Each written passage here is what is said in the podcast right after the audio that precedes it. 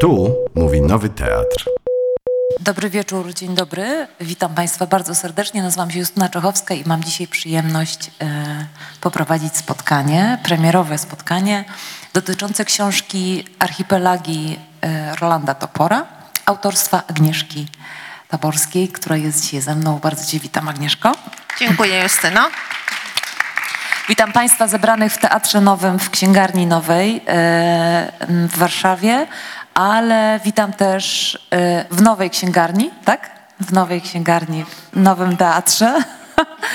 Witam Państwa również przed telewizorami, komputerami e, i odbiornikami, ponieważ nasze spotkanie jest emitowane na Facebooku Nowego Teatru. Teraz już się nie pomyliłam. Proszę Państwa, ponieważ mamy e, godzinę mniej więcej, ja przygotowałam trochę pytań, spędziłam całą sobotę, właśnie Agnieszce opowiadałam, że spędziłam całą sobotę e, z Rolandem Toporem i z Agnieszką Taborską, czytając różne teksty, ale przede wszystkim archipelagi, oglądając e, filmy i przeglądając internet. I będę chciała, żeby to nasze spotkanie było takim trochę nowym otwarciem dla Rolanda Topora, takim wyjaśnieniem, kim on jest dla nas tutaj dzisiaj i kim w ogóle jest dzisiaj.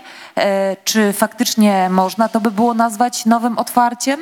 I zaraz wyjaśnię dlaczego. Wydaje mi się, że Roland Topor jest tak, taką postacią, która co jakiś czas do nas wraca, a z pewnością jest tak, że od paru lat Agnieszka Taborska jest dla Rolanda Topora najważniejszą postacią tutaj w Polsce. To ona zainicjowała kolejne przekłady, to ona zrobiła kolejne przekłady Rolanda Topora i, i generalnie czuwa nad spuścizną Rolanda Topora e, w ogóle, ale też e, tutaj dla nas w Polsce. Tak? No jakby przyciągnęłaś go znowu, pokazałaś go znowu nam tutaj w Polsce. I, I o tym chciałabym, żebyśmy dzisiaj trochę rozmawiały. Ja od razu przyznam się, i, I, myślę, że trochę taki był pomysł Pio Kalińskiego, czyli wydawcy mm, tej książki, lokatora, e, żebym ja poprowadziła to spotkanie, bo ja nie jestem znawczynią surrealizmu i nie jestem znawczynią Rolanda Topora. Więc myślę, że w tym sensie e, możemy uzupełniać nasze, znaczy ja mogę się czegoś nauczyć, a ty możesz e, zobaczyć, Agnieszko, jak, jak ktoś, kto po raz pierwszy w takiej skali z toporem się spotyka jak to może wyglądać. Proszę Państwa, Agnieszki Taborskiej domyślam się, że nie tutaj Państwu zebranym nie trzeba przedstawiać, ale dla porządku e, powiem parę słów o Tobie, Agnieszko. Agnieszka jest historyczką sztuki, jest pisarką, tłumaczką i romanistką, jest znawczynią surrealizmu i faktycznie na temat surrealizmu napisałaś bardzo dużo. Na temat surrealizmu również wykładasz e, w Rhode Island School of Design. E, jesteś autorką wielu książek dla dzieci, ale też autorką, tak jak wspomniałam wcześniej, przekładów Rolanda Topora, ale nie tylko. E, I na podstawie twórczości twojej własnej także powstały najróżniejsze sztuki teatralne, oratorium i słuchowisko. E, więc jesteś postacią, taką powiedziałabym, tak jak mówił to e, Temerson, takim czasownikiem. I takim czasownikiem, wydaje mi się, był również Roland Topor, Roland Topor to był taka trzecia właściwie postać dzisiejszego wieczoru, czy druga obok ciebie, Agnieszko, e, która, która byłaby tutaj z nami gościem, gdyby żył. Roland Topor jest, był pisarzem, dramaturgiem, rysownikiem, grafikiem, reżyserem teatralnym i filmowym, aktorem, scenarzystą i scenografem. E, I ta książka to wszystko pokazuje. E, powtórzę, e, zarówno Agnieszka Taborska, jak i Roland Topor to są czasowniki. Właściwie to są, to są takie postaci, które, które robią e, i tworzą, mimo że no, mamy w zwyczaju właśnie nazywać was, artystów, mm, rzeczownikami, to znaczy za pomocą rzeczowników, to znaczy właśnie określając ciebie jako tłumaczkę czy wykładowczynię, a Arlanda Topora jako to, to wszystko, o czym wspomniałam. E, natomiast, natomiast ponieważ właśnie ten czasownik, od tego trochę chciałam zacząć, to, to moje pierwsze pytanie będzie brzmiało o twoje pierwsze spotkanie z Rolandem Toporem. Trochę o tym piszesz w książce, ale żeby móc zachęcić też do y, przeczytania tej książki, chciałabym właśnie o to, o to ciebie zapytać, bo to nie jest to pierwsze spotkanie e, w ogóle polskiego czytelnika z nim, prawda? Bo przecież Roland Topor wywodził się z polskiej rodziny żydowskiej, e, jakoś tam był osadzony w momencie, kiedy ty stawałaś się osobą dorosłą, myślącą, czytającą, e, e, robiącą, tworzącą. On już jakoś tam istniał w Polsce, więc chciałabym przywołać właśnie to wspomnienie twoje o Toporze. No, dziękuję. Być czasownikiem czy czasowniczką wcale nie jest łatwo, bo y, Roland y, zap- zapłacił olbrzymią cenę za to, że y, właśnie nie można było mu przypiąć etykietki, etykietki malarza, czy rzeźbiarza, czy pisarza, czy dramaturga. On robił za dużo rzeczy naraz, był absolutnie pracocholikiem, o czym y, pewnie nawet większość jego znajomych y, nie, nie wiedziała. Także y, ja no może trochę kontynuuję tą tradycję właśnie czasownikową. Powiedziałaś, że nie jesteś specjalistką surrealizmu, ale jednak na festiwalu Olgi Tokarczuk y, i no, całej e- ek- ekipy gór literatury. Właśnie Justyna Czechowska prowadziła spotkanie ze mną wokół książki Świat zwariował, poradnik surrealistyczny, jak przeżyć. I było to jedno z, najle- z najlepiej prowadzonych spotkań. Także, także Bardzo dziękuję. Natomiast e, no, twoje pytanie o, o pierwszym e, spotkaniu z toporem. Tutaj mamy szczęśliwie przekrój m, bardzo wiekowy, e, duży. E, Także część z Państwa pamięta, jak to Roland zaistniał w Polsce na łamach pism Przekrój i Ty i ja i w 70 latach był pewnie może nawet bardziej znany wtedy nad, nad Wisłą niż nad Sekwaną, bo jego ten e, czarny taki, no właśnie y, no nieco słowiański humor tutaj świetnie się, się odnajdował. I w 70 latach miał wystawę w redakcji Szpilek na Placu Trzech Krzyży. Miał spotkanie, na którym ja jeszcze byłam wtedy za młoda i za głupia, żeby na nie pójść, ale wśród y, nieco starszych znajomych krążą legendy o tym, jak to właśnie do klubu studenckiego Riviery waliły tłumy i było, y, odbyło się właśnie legendarne spotkanie z Rolandem. Potem y, no on głównie istniał właśnie dzięki przekrojowi, który publikował przekłady krótkich jego opowiadań i rysunków. Potem było jakiś czas nic i w 90 latach takie było y, no, złoty wiek właśnie znowu Topora, kiedy wyszło sporo jego przekładów y, w wydawnictwie Eliel. Wyszła moja y, taka książka, najważniejsza dla, dla mnie księżniczka Angina, dla której w ogóle z przyjaciółmi założyliśmy wydawnictwo, żeby, żeby właśnie ją wydać. E, ym, No ale to może wszystko dygresja. Natomiast wracając do twojego pytania, jak się poznaliśmy? Poznaliśmy się tak, że ja znałam jego twórczość właśnie e, no tak z drugiej ręki przez, te, e, przez, przez przekrój, przez pamięć e, nieco starszych znajomych. Po czym e, w czasie jakichś wakacji we Francji e, kupiłam e, tąże księżniczkę Anginę, która jest taką opowieścią, no oczywiście wielkim ukłonem do Alicji w Krainie Czarów i wielkim zerwaniem z tą e, teorią, że są dwie literatury dla dorosłych i dla, dzieci.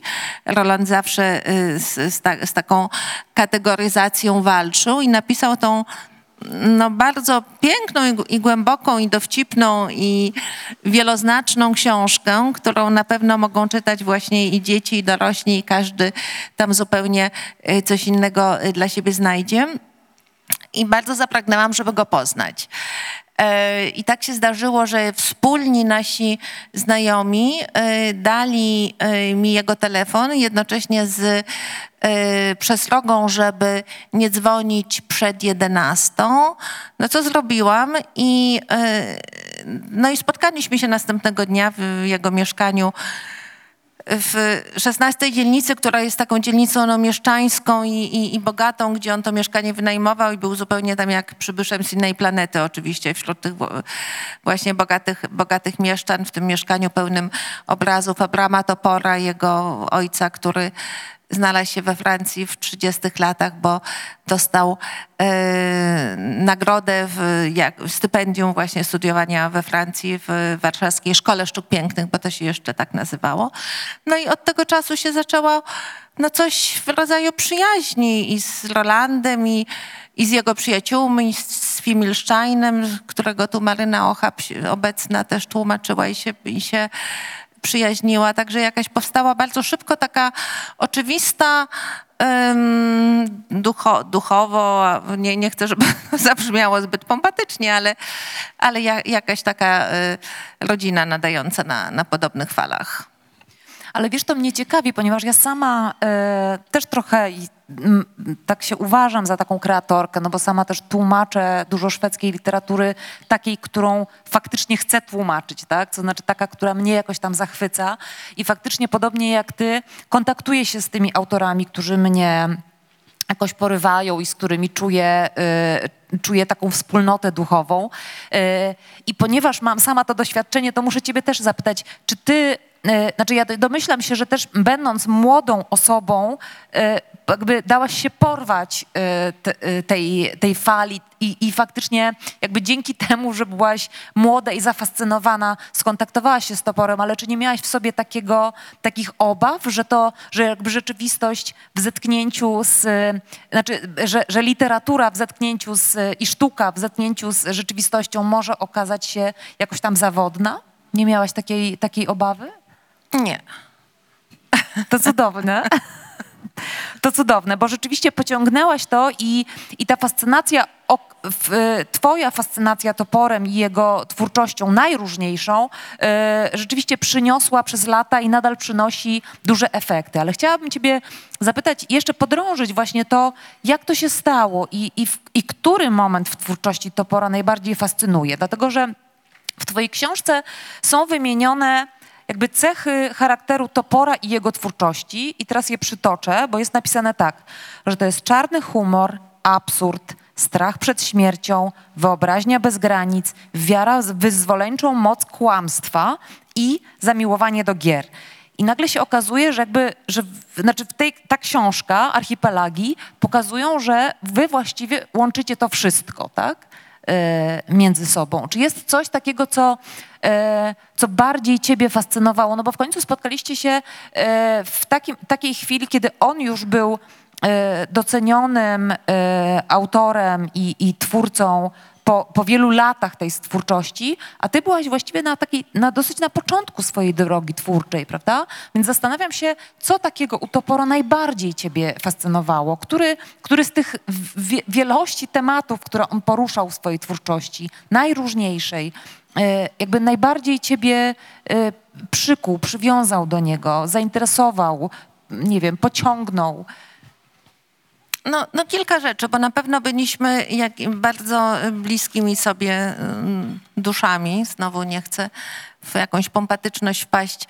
Y, ten czarno, może nie jest to najlepsze określenie, no ale używamy go nadal, czarny humor. Y, taki y, flirt z surrealizmem, ale jednak w bardzo własny y, sposób, daleki od tego dogmatyzmu y, papieża surrealizmu Bretona i tych francuskich surrealistów to balansowanie na granicy y, literatury i, i, sztuk wizualnych, no bo on nie tylko robił rysunki, nie tylko malował, ale robił też znakomite filmy. Pewnie część z Państwa zna y, Dziką Planetę, czy mój y, najbardziej ulubiony jego film, krótki, kilkunastominutowy Ślimaki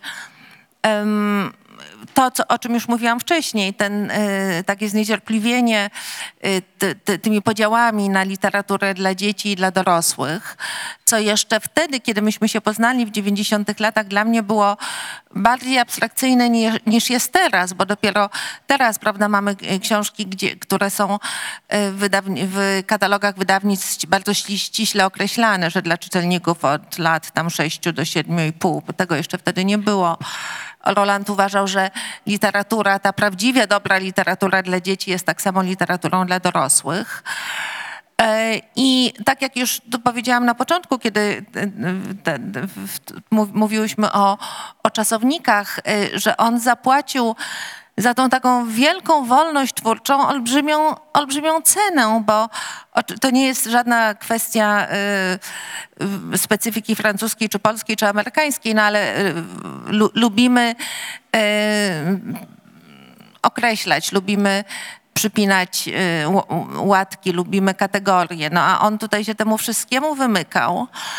E, co no też jakoś mi jest bardzo bliskie, bo jeśli miałabym się określić, czy jestem pisarką, czy historyczką sztuki, czy, czy tłumaczką, no może tłumaczką najmniej w tej chwili, też, też bym miała z tym kłopoty. E, także no, był to człowiek na pewno y, pod wieloma względami niezwykły. Ja myślę, że ta książka jednak w żaden sposób nie, nie tworzy takiego y, monumentu i nie, nie, nie jest w żaden sposób y, bałwochwalcza, bo też tu pisze o różnych śmiesznostkach i innych cechach.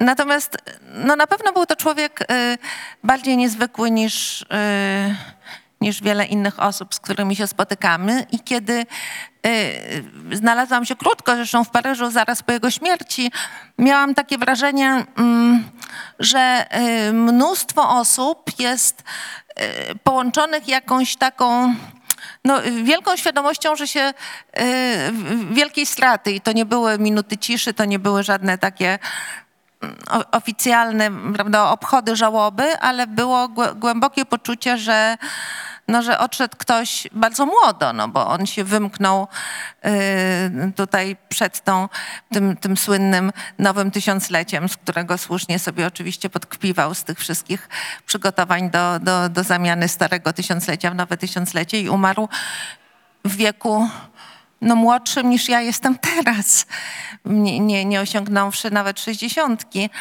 E, I, e, I bardzo wiele osób miało właśnie świadomość, że no, że szkoda, że, że tak wcześnie, no ale może tak musiało być, bo było tak ogromnie intensywnie przed, przez, przez tyle dziesięcioleci, że może inaczej być, być nie mogło. Taka, e, taki, taki temat, czy właściwie ten może nie temat, ale, e, ale taki duch, który się unosi nad toporem i który ty ciągle powtarzasz też, e, też w tej książce i który zresztą widać na ilustracjach, które zostały tutaj, tutaj umieszczone, to jest śmiech i groteska, e, o czym też wspomniałaś. I zastanawiam się, chciałabym, żebyś trochę opowiedziała o tym, bo, bo tutaj mamy tak historię żydowskiej rodziny, która wyjeżdża, udaje jej się wyjechać jeszcze przed zagładą, więc to nie jest historia jakby taka holokaustowa. Natomiast w rodzinie y, Topora jest ta historia holokaustowa, bo jego ojciec był więziony i tam było ryzyko, że zostanie wywieziony do, do obozu. Więc jakby ten, ten, ten strach jakoś tam y, y, istniał cały czas. Y, potem ta, taka, takie rozdarcie między robieniem sztuki popularnej, a robieniem sztuki awangardowej, czy, czy takiej mniej popularnej, również niosło ze sobą, myślę sobie, jakiś tam strach, chociażby taki finansowy, prawda?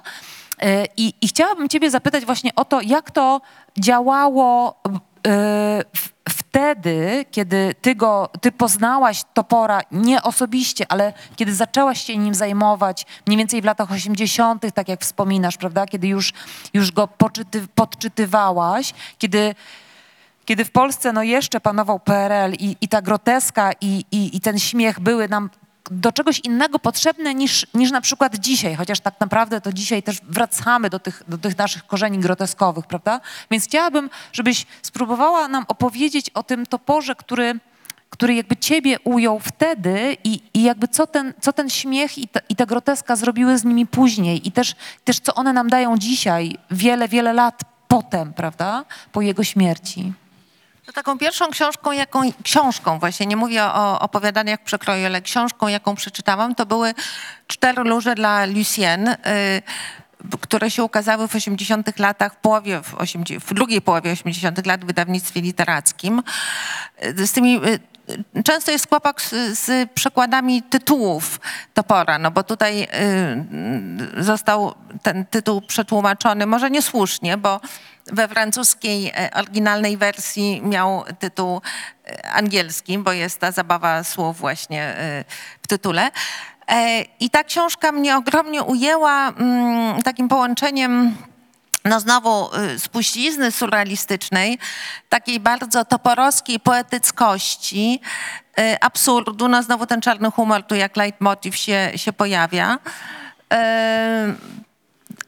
I Także to, jeżeli mówimy o latach 80., to, to właśnie to, to, to były te cztery róże dla Lucien. Potem był chimeryczny lokator, który się ukazał w czytelników z piękną okładką w tłumaczeniu Markowskiego i który się niedługo ukaże też właśnie w, tom, tomie chimerycznym w lokatorze. E, mówiłaś o tym wątku rodzinnym. No, y, ojciec Topora, tak jak już y, tu wspomniałam, Abram, który studiował rzeźbę y, w Warszawie i dostał Szczęśliwie, szczęśliwie dostał drugą nagrodę na konkursie rzeźby, bo pierwsza to było dużo pieniędzy, a druga był, to był, znaczyła pobyt we Francji na stypendium półrocznym Mm, I on y, sprowadził swoją narzeczoną z latą Binsztok y, w, w drugiej połowie lat 30, lat 30. Także i Topor i jego siostra Ellen się już tam, tam urodzili. Także ten wątek holokaustowy oczywiście gdzieś tam jest w tyle głowy, ale on jest bardzo, mm, myślę, wyparty w twórczości Topora, bo on zawsze mówił, że no owszem, urodził się we Francji, ale to był absolutny przypadek. Mógł się urodzić w Stanach, mógł się urodzić w Brazylii, w, no absolutnie wszędzie. Zresztą to też mi jest bliskie bardzo ten jego taki bardzo silny y, kosmopolityzm. I jedyną książką, w której ten y, jego, y, jego wspomnienia są tak ściśle przytoczone, to jest jego ostatnia powieść Bal na Ugorze, która się ukazała w wydawnictwie, w, które y, ja z Marcinem Giżyckim i Jankiem Gondowiczem powołaliśmy do życia w 90 latach w wydawnictwie małym i wydaliśmy kilka książek razem wtedy z, z przeżywającym złoty wiek WAB. E, I w tym balu on rzeczywiście dużo wspomina, ale znowu w sposób ogromnie taki, taki własny, taki no, no, no lekki. Te, e, te lata, które przeżył w, w 40 latach jako dziecko absolutnie miejskie, no bo on był takim tworem paryskim, myślę nawet bardziej niż y, my tutaj warszawiacy i warszawianki możemy się utożsamić z takim bardzo ścisłym zrośnięciem z życiem paryskim. No to był mm, człowiekiem, który bardzo no, bał się samolotów, nie, niechętnie w ogóle się ruszał z Paryża i on nagle jako to takie dziecko stuprocentowo paryskie znalazł się na sabałskiej wsi, bardzo, no jednak wtedy prymitywnej y, w y, oderwaniu od rodziców, bo rodzice pracowali w, w innym gospodarstwie. On siostrą ukrywał się u kolejnych rodzin chłopskich. No i dostał taką nauczkę życia no nie tylko w oderwaniu od rodziców, ale też nauczkę życia y, w przyrodzie. On tam opisuje, jak jest y, z ciekawości odgrzebuje kotka tydzień po pogrzebie. No i to jest największy szok, jaki przeżywa wtedy w życiu. E, opisuje, jak to mieszkańcy mieli zwyczaj na szczęście przybijać sowy do drzwi obór, bo taka ukrzyżowana sowa miała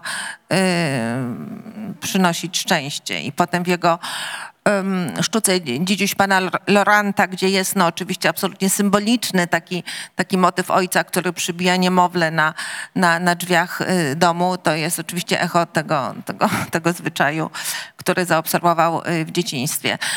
Ale to się odezwa, te wspomnienia się odezwały późno, i jego znajomi, przyjaciele y, już potem, po jego śmierci, mówili, że to w zasadzie był temat nieistniejący, że oni czuli, że, że, że ten, y, ta, ta trauma oczywiście gdzieś tam jest i jego wielki strach przed i przed śmiercią, i przed utratą bliskich y, zapewne był nie tylko y, wynikał z, z, no z wieku, gdzie zwykle te, te, te, tematy jakoś nam się zaczynają w pewnym momencie narzucać, ale był też wynikiem y, tych przeżyć dzieciństwa.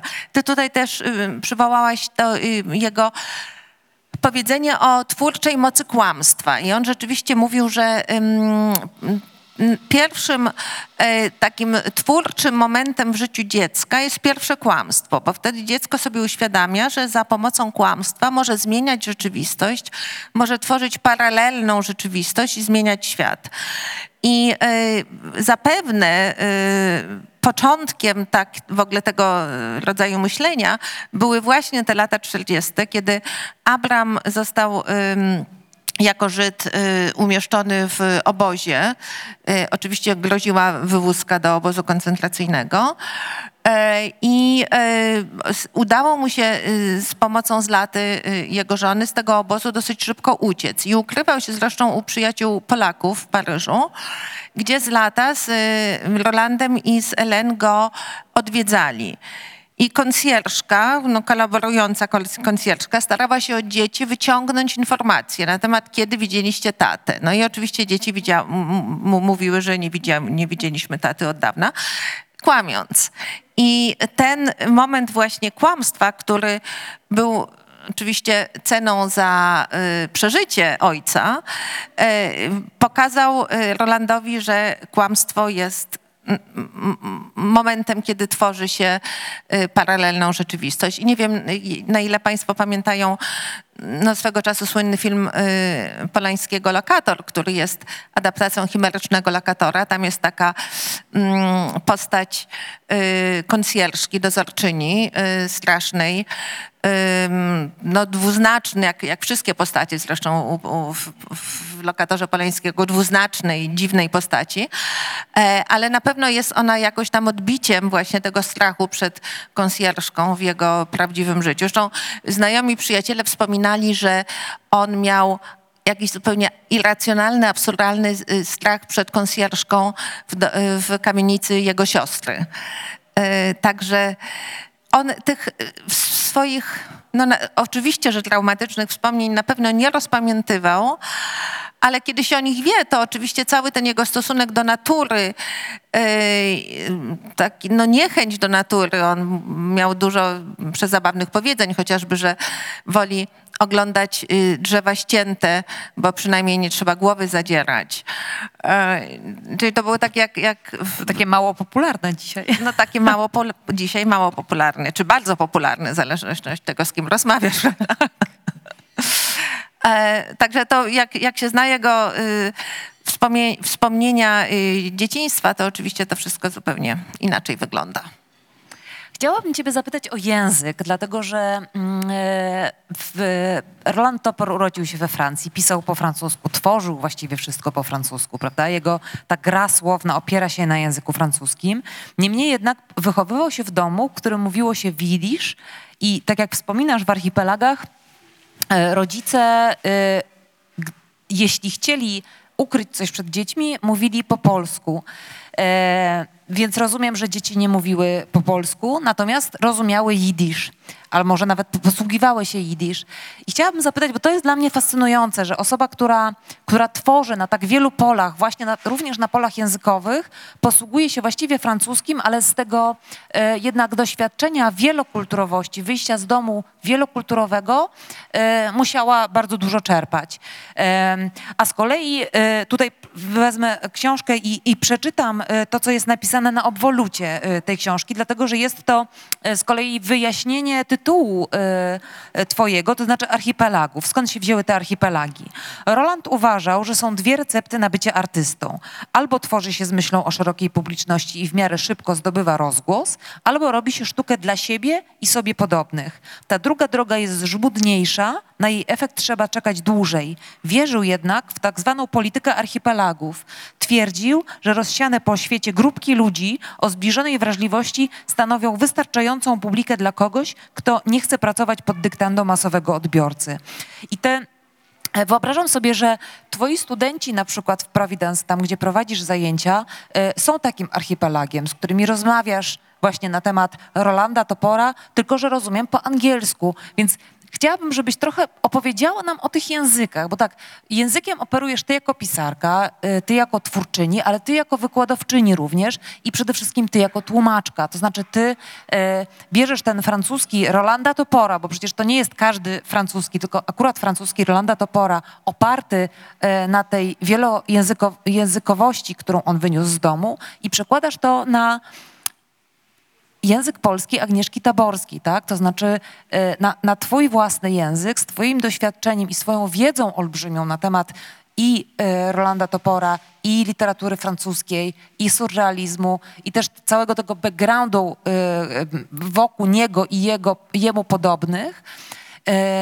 I zastanawiam się właśnie, jak, a, a, a, z drugiej strony jest też przecież tak, że nie jesteś pierwszą tłumaczką i jedyną tłumaczką Rolanda Topora, więc, więc chciałabym, żebyś trochę opowiedziała mi o tym, nam, o, o, o tym języku, tak? Jak, jak, się, jak się chwyta tego języka i co się z nim robi, co się z nim dzieje, przekładając go na język polski, ale też co się z nim dzieje w momencie, kiedy rozmawiasz o Toporze w Paryżu i rozmawiasz i z nim, i też jak rozmawiasz o nim w Ameryce Północnej? No, przede wszystkim w Ameryce Północnej e, topor jest prawie całkowicie nieznany. E, przetłumaczony jest lokator i przetłumaczona jest sztuka Da Vinci miał rację, zresztą przez, przez znakomitą tłumaczkę Barbarę Wright, która współpracowała tutaj z, z wymienionymi przez ciebie Temersonami na początku naszej rozmowy. Ale topor jest, myślę, że jednak nadaje na zupełnie innych falach. To znaczy były, były momenty, kiedy on robił rysunki do y, New Yorkera, robił, były y, taki rysunek słynny do Casanowy Feliniego, który się właśnie w New Yorkerze ukazywał, ale mm, ale y, bardzo głęboko no, wierzę, widzę, że on jest bliższy tutaj wrażliwości właśnie w Europie y, wschodnio-środkowej niż w, niż w Ameryce Północnej. Pewnie w Ameryce Południowej było, jest, jest, jest inaczej. Co do języków, y, on nie mówią ani, ani widzisz, ani, ani po polsku. Y, pewne słowa, które wyławiał właśnie z, z rozmów rodziców, takie jak sza, prześcieradło, garnek, szmata. On nigdy nie był pewien, czy to są słowa właśnie z, z polskiego, czy, czy, czy z jidysz. Zresztą w tej mojej właśnie najbardziej jego, najważniejszej dla mnie jego książki, księżniczka Angina, tam jeden z bohaterów głównych nazywa się właśnie Prześcieradło. I jeszcze jest kilka innych y, takich nawiązań właśnie do, y, do, do, do, polskiego. No on był rzeczywiście takim paryżaninem i, i Francuzem z krwi i kości, z całym przekonaniem, że jest to absolutnie przypadek, że jest do tego miejsca na, na, na, na świecie przypisany. A y, odpowiadając na Twoje pytanie na temat języka przekładu, oczywiście tych przykładów było sporo. Ja w dwóch książkach, bo pierwsza książka e, to było Abecadło Topora, które właśnie wyszło w wydawnictwie WAB no, dawno temu. I tam zrobiłam e, własne wersje przekładów wielu jego tekstów i to samo mm, się dokonało tutaj w tej książce. No jasne, że każda osoba, która, nawet tutaj nie używam y, słowa tłumacz czy tłumaczka, ale każ, każdy czytelnik, każda czytelniczka ma własną wizję y, autora y, czytanego. Ja miałam bardzo silne wrażenie, że te przykłady topora, które szczególnie w 90 latach się posypały, one były bardzo w takim tonie mm, młodzieżowo-fajowskim, i podtrzymywały tą wizję błazna, no bo zresztą Topor się często przez, przez, przedstawiał jako właśnie ten błazen na, ten, na tą głupotę dziennikarskich pytań właśnie typu no jak to tam być, jak, jak to się jest artystą prowokacyjnym. No oczywiście on wybuchał tym słynnym śmiechem, no zresztą co innego można zrobić, prawda? Więc y, ja miałam i nadal mam to takie silne przekonanie, że ta jego y, bardzo ważna powłoka, czyli właśnie poetyckość i, i wrażliwość, która była schowana za tą właśnie maską rechoczącego błazna, e, były y, nieprzekładal- nie, nieprzekładane przez ten, przez ten właśnie taki język trochę na, nastolatków. No więc stąd ta moja próba przełożenia no bardzo wybranych zresztą y, rzeczy na nowo.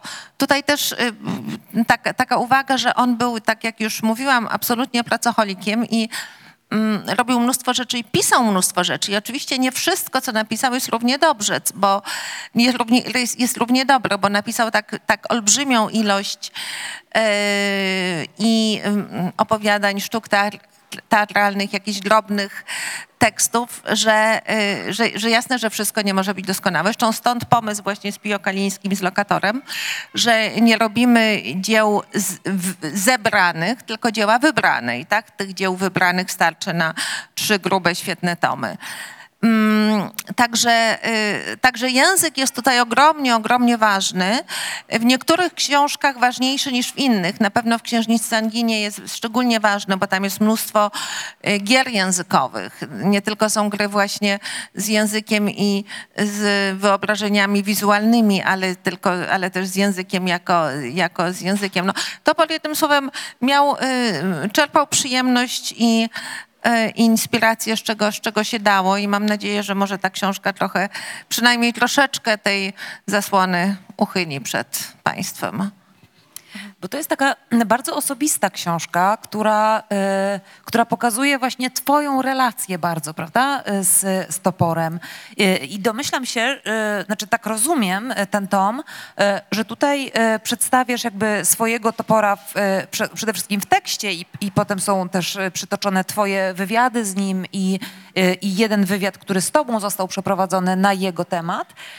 Natomiast ta książka jest też bardzo bogata w ilustracje i to są wybrane ilustracje e, Topora i chciałabym ciebie właśnie o te ilustracje zapytać. Jak, mm, jak e, o tym myślałaś? Jak one zostały dobrane? E, Rozumiem, że musiały być też bardzo ograniczone, no bo tom też, też ma jakąś ograniczoną liczbę stron. Znaczy ta książka jakby nigdy nie powstała, gdyby nie Pio Kaliński, szef wydawnictwa Lokator, który się do mnie zwrócił y, rok temu z okładem z pomysłem, żebym napisała książkę, która będzie właśnie moją taką bardzo osobistą relacją o znajomości z toporem, przyjaźni z toporem. Ja po y, wydaniu y, abecadła topora y, miałam wrażenie, że już ten nasz romans w znaczeniu absolutnie ym, symbolicznym jest zakończony i, i, i nic więcej o poza jakimiś drobnymi rzeczami o Rolandzie nie będę pisać. I wtedy właśnie Pio wpadł na ten pomysł. Także on tutaj jest absolutnie odpowiedzialny za, za, za tę książkę. Jeśli chodzi o ilustracje, najważniejszą rzeczą było, żeby były w pionie. E, Oczywiście to jest tylko jedna, jedna z tajemnic. Druga e, no była kwestia e, ż- Różnica pomiędzy tą pierwszą książką, jaką, zrobi, jaką zrobiłam, to znaczy Abecadło Topora, gdzie było tych ilustracji 200 i rzeczywiście redaktorki WAB spędziły długie miesiące na ustalaniu praw zarówno cytatów, jak i praw ilustracji, ale wtedy te y, wszystkie historie copyright były jednak łatwiejsze. Teraz mieliśmy, mieliśmy duże ograniczenia, jeśli chodzi no, właśnie o finanse, jak mówiłaś. Także ten wybór był, jest wyborem i Pio i moim. Niektóre ilustracje są wybrane przez Pio, niektóre są wybrane przeze mnie. Y, No w związku z ym, tym, jak książka jest zaprojektowana, one rzeczywiście musiały być w pionie, więc czasami zdawało, z- zdarzało się, że ja chciałam bardzo jakąś na przykład kiedy jest yy, mowa o kuchni yy, kanibali i jest taka piękna ilustracja krew szef, szefa kuchni, kiedy właśnie szef kuchni jest na moment przed ukąszeniem przez wampira, który właśnie się zbliża do jego szyi. No ale niestety to wszystko odbywa się w poziomie, więc, więc nie było o czym mówić. Możesz mi podać? Tak, oczywiście. Rozumiem, że to jest e, koniec wypowiedzi też, nie tylko, nie tylko sięgnięcie po wodę. No chyba, chyba chyba tak, ale chętnie jakoś Tak, jeszcze wiesz, uzupełnię. dlatego, że ja e, m, jakby przeglądając też, przygotowując się do dzisiejszego naszego spotkania, oczywiście prze, prze, przejrzałam internet i to, co rzuciło mi się w oczy, to, to właśnie to, że, e, że z ogromnym namysłem te ilustracje są dobrane, bo one, myślę, że za 10 lat albo 10 lat temu wybór byłby inny. E, One jakieś wydają mi się bardzo pokazywać e, topora bardzo aktualnego. E, Też dlatego, że zarówno w tekście, jak i tutaj jest taka jedna ilustracja na stronie 96, która nazywa się Linoryt, który nazywa się Emigrant, który jest taki, no powiedziałabym, bardzo, ale to bardzo e, współczesny. Myślę sobie teraz o, o wszystkich politycznych, politycznych sy, sytuacjach, e, no nie tylko politycznych, ale w ogóle światowych, które, które obecnie się dzieją i to bardzo blisko nas. I ta opowieść właśnie o emigrantach ze wschodu jest też taka bardzo e, tutaj żywa i rozwinięta w tym tekście, ale coś, czego mi być może zabrakło, albo, albo co, co zostało jakoś tak niedopowiedziane w ilustracjach, to jest e, taki sprośny topor. To jest ten topor e, gorszący być może, to jest ten topor, który, e, który jest oparty, który jakby swoją y, wyobraźnię opiera na przede wszystkim seksualności y, i relacjach damsko-męskich przede wszystkim. I tego tutaj nie ma. Czy to, czy to ma jakieś głębsze wyjaśnienie, czy, czy, czy wszyscy tam, nie wiem, wszystkie seksualne nawiązania w poziomie po prostu się odbywają? No większość jest chyba rzeczywiście, rzeczywiście w poziomie. Ten linoryt emigrant, on zresztą jest y, bardzo ważny, bo on został wybrany przez przyjaciół Topora, właśnie między innymi Zwimmelsteina, jako y, najważniejszy, y, najważniejsza praca Rolanda, która została zresztą przeniesiona na jego nagrobek, bo na cmentarzu Montparnasse jest y, płyta y, nagrobna właśnie z, z tym y, linorytem emigrant, który nie jest jedynym zresztą y, potraktowaniem tego tematu, bo jest też litografia y, podobnie traktująca. E, No, no może rzeczywiście tego, wiesz, y, tych ilustracji jednak tutaj dużo nie ma. To jest dosyć gruba książka. E, Myśmy je dobierali pod kątem relacji pomiędzy tym, co wizualne, a tym, co słowne. E, Także w- Także, no i tak y, nasza, nasz wybór polegał głównie na ym, odrzucaniu, nie tyle na, y, na, na dodawaniu, ile na odrzucaniu. Ale to jest nie wszystko. No, będą następne tomy i, i tam z- postaramy się, żeby było bardzo dużo sprośnego topora. Chciałam Cię jeszcze zapytać o, e, e, o e, jakieś cytaty albo myśli Topora, które, które właśnie myślisz sobie, że mogłyby dobrze zafunkcjonować. Tak jak na przykład na mnie ten linoryt emigrant od, oddział, oddziałuje tak no, bardzo intensywnie. Powiedziałabym, że on mi mówi Znaczy, to jest dowód na to, że artysta chciał coś powiedzieć o świecie, mimo że mówił, że, y, że przyszłość to nic pilnego i tak naprawdę nie wybiegał tą myślą y, jakby przed swój czas, tak? To, y, to zarówno y, ten linoryt, jak i, jak i wiele takich jest tekstów, które, które ze mną zostaną. Czy są takie, takie cytaty albo takie jego wypowiedzi albo myśli, które które tobie towarzyszą jakoś szczególnie mocno, które, z których najwięcej czerpiesz, które zostają w tobie? No, teraz większość z nas ma kłopoty z Facebookiem. Justyna się pożegnała jakiś czas temu z Facebookiem. Ja jestem tak na granicy, ale jakiś tydzień temu, y, znaczy w dzień, kiedy się odbywały protesty y, po, y, w związku z pra- zaostrzonym prawem aborcyjnym, dałam na Facebooku właśnie y, jedną z myśli Topora, która brzmi Władza jest tylko mm, małą cząstką nikczemności tych, którzy ją sprawują. No i y, ja nigdy nie jestem jakąś specjalnie rozbuchaną facebookowiczką, ale rzeczywiście ilość pozytywnych relacji pod tą myślą y, chyba przekroczyła wszystkie inne moje, moje wpisy. Y, On, napi- y, on wydał książkę pod tytułem Pons Bet, którą Ja ym, fragmenty ym, przetłumaczyłam y, lata temu dla literatury na świecie pod tytułem Myśli zawiązane na supełek.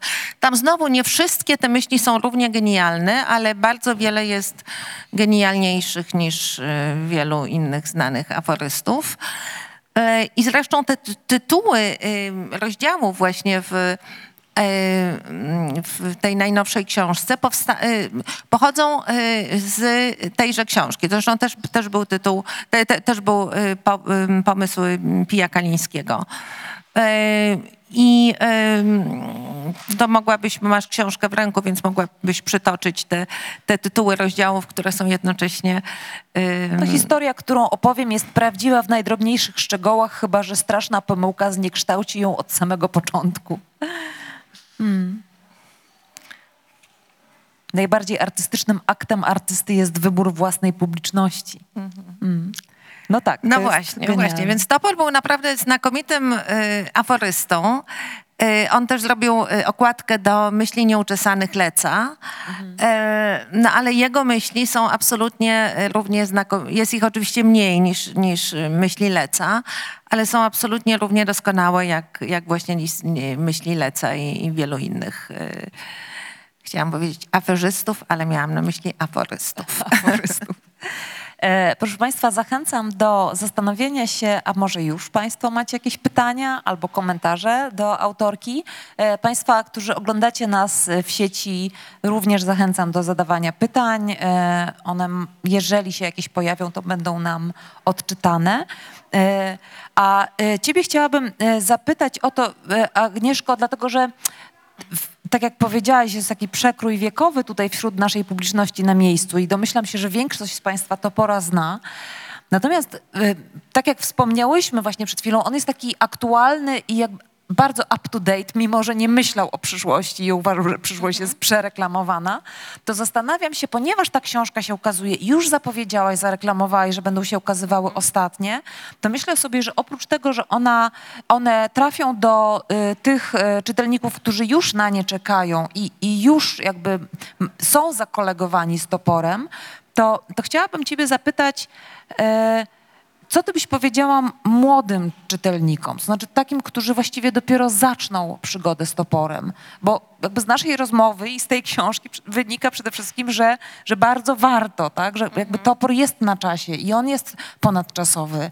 E, więc, więc chciałabym ciebie zapytać właśnie o to, jak ty dzisiaj, będąc przecież w kontakcie również z młodymi ludźmi, czy tutaj, czy, czy w Ameryce, tam gdzie wykładasz obecnie, rozumiem, online głównie, e, to właśnie chciałabym ciebie o to zapytać. Jak, jak, ty, e, jak ty ludziom opowiadasz o, o toporze tak, żeby on, e, oni się zassali do tego archipelagu jego? Ja myślę, że ci, którzy mają się zassać, to się zassają bez moich y, opowieści.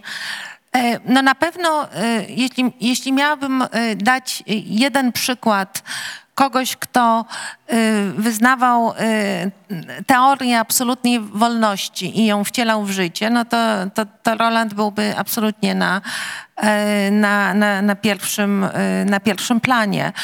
Że można być wolnym, że można uprawiać absolutną niezależność y, myśli i widzenia świata, jednocześnie nie będąc strasznie ym, zaangażowanym w y, tu i teraz. Ja nie chcę, żeby to zabrzmiało jako zachęta, żeby zamknąć oczy i nie wychodzić na manifestacje. Ym, Natomiast, że y, można. że można wybudować pewien dystans pomiędzy sobą a, a, a, a resztą świata i walczyć o mm, no właśnie coś, co możemy nazwać e, jakąś taką niepodważalną wolnością i, e, i humorem i, i, i tym wszystkim, czego nam nie można odebrać. Y, no mniej więcej niezależnie od tego, co się wokół nas dzieje, bo Roland, mimo że on oczywiście miał y, głównie w 60 latach, jak no większość y, osób y, aktywnych w tamtym czasie, oczywiście był, robił plakaty polityczne, zrobił ten słynny plakat dla Amnesty International, gdzie jest tak, taki profil człowieka, któremu młot zbija połowę twarzy. Robił bardzo dużo antydegolowskich y, plakatów y, w 1968 roku, no ale na pewno nie był y, homo politicus, na pewno, na pewno nie był. E, Natomiast uważam, że przez swoje podejście właśnie do tego, co możemy nazwać no właśnie ludzką wolnością, ludz- ludzką niezależnością, y, zrobił, zrobił ogromnie dużo, bo y, bez względu na to, czy patrzymy na jego sztukę z punktu widzenia y, Francji pod butem de Gaulle'a, czy, czy, czy Polski obecnej, te same takie bardzo oczywiste i, i świeże wartości dają, no dodają nam skrzydeł, no mi dodają za każdym razem, kiedy go czytam. A jest jakaś y, jedna książka, którą, y, która według ciebie jest takim dobrym wejściem w świat topora? Chyba, chyba nie, no bo on y, był jednak bardzo różnorodnym twórcą. No ja tutaj do znudzenia mówię o księżniczce Anginie, która jest takim... Która dla ciebie była takim Która dla mnie wejściem. była bardzo ważnym wejściem, no ale jego e, e, opowiadania, jego sztuki teatralne, tutaj trochę tych sztuk jest przetłumaczonych i będzie też e, drugi tom właśnie jego dzieł wybranych, to będą sztuki teatralne. No te e, istniejące tylko w literaturze na świecie, no i właśnie w archipelagach, te myśli zawiązane na supełek, no, które są absolutnie genialne. E, ale no właśnie jego e, problem i E, tak jak już mówiłam, no wielka cena, jaką zapłacił za swoją ró- różnorodność jest to, że no właśnie nie ma jednej książki, że trzeba e, spróbować i tu, i tu i, i wybrać, e, co się lubi najbardziej. To teraz się rozejrzę po sali, czy ktoś ma już pytanie? Ja myślę, że nikt jeszcze książki nie czytał, więc to jest... A Tak, jest jedno pytanie. Łukasz, ale poczekaj, wiesz co, Ula, bo musimy mieć mikrofon, dlatego że to jest nagrywanie, tak. Ale już do ciebie biegnie. Mam proste pytanie, Agnieszko, o to, jak topor jest obecny mm, albo nieobecny, nie wiem, dzisiaj we Francji. Mm, Bo mówiłaś o jego właśnie No, on, jest, obecności on, jest, w Polsce. on jest ogromnie obecny y, w ciągu, y, ostatnio dzięki już zupełnie no, nowemu pokoleniu, y, ludziom, którzy właśnie go nie poznali. Ej, I, jest taki znakomity y, człowiek Alexandre Delvaux, który y, doprowadził do wielkiej wystawy topora w Bibliothèque Nationale, która rzeczywiście była taką pierwszą wielką retrospektywą. Wyszedł znakomity katalog. To było czas coraz trudniej jest w tej chwili do ogarnięcia, no ale kilka lat temu, jak to mówimy z moją przyjaciółką, y, pięć lat albo coś koło tego, co może być pięć albo piętnaście, ale to jest bliżej pięciu. Ym, y, On też wydał trzy tomy, bardzo grube tomy rozproszonych rysunków topora, dzięki, dzięki czemu te, te rysunki, które były absolutnie no właśnie rozproszone, no, ocalił od, od zapomnienia.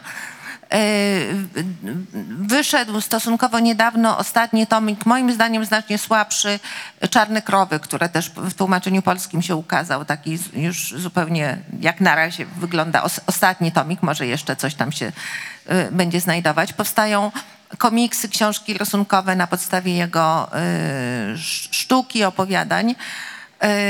Jest taka bardzo ciekawa mm, polska artystka, która ma swój y, teatr we Francji, Elżbieta Jeznach, która robiła y, przedstawienia na podstawie kilku jego y, sztuk i opowiadań. Także dzieje się bardzo dużo. We, Francji w ciągu ostatnich lat to jest absolutny powrót, ale właśnie dzięki y, ludziom już zupełnie now, nowego pokolenia. Dzięki. Czy mamy jakieś może pytanie w internecie? Albo komentarz? Jedna żywo. O, bardzo proszę. Jeszcze na żywo. Agnieszko, powiedziałaś na samym początku, że nie lubisz e, pojęcia czarny humor. Dlaczego? Y, Nie, no nie to, że nie lubię.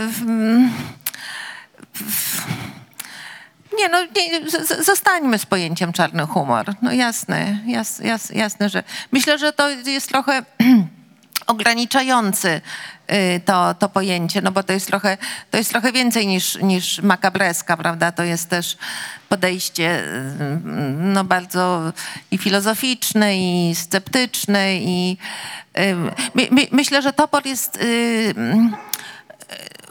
no je- jedn, jednym z tych, z, z tych twórców, którzy są mimo tego, że nam się wciąż wymyka, ale oczywiście jest cały czas określany właśnie jako ten błazen, jako ten satyryk, jako ten e, rysownik facetów w garniturkach i w melonikach, jak czarny humor. No, to, to, mm, no ja chcę głębiej, chcę więcej, ale, ale jasne, że czarny humor go określa.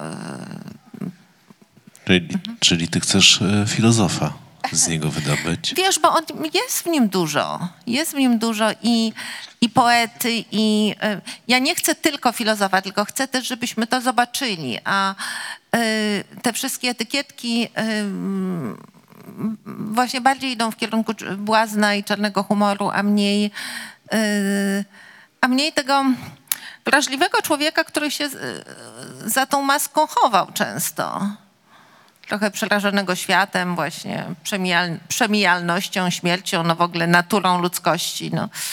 Y, On ogólnie był, y, był, był głębszy niż e, to, co my w nim głównie widzimy. On po prostu za dużo pracował, za dużo rzeczy, rzeczy robił i, i jest bardzo trudno to wszystko jakoś ogarnąć, ogarnąć i opisać.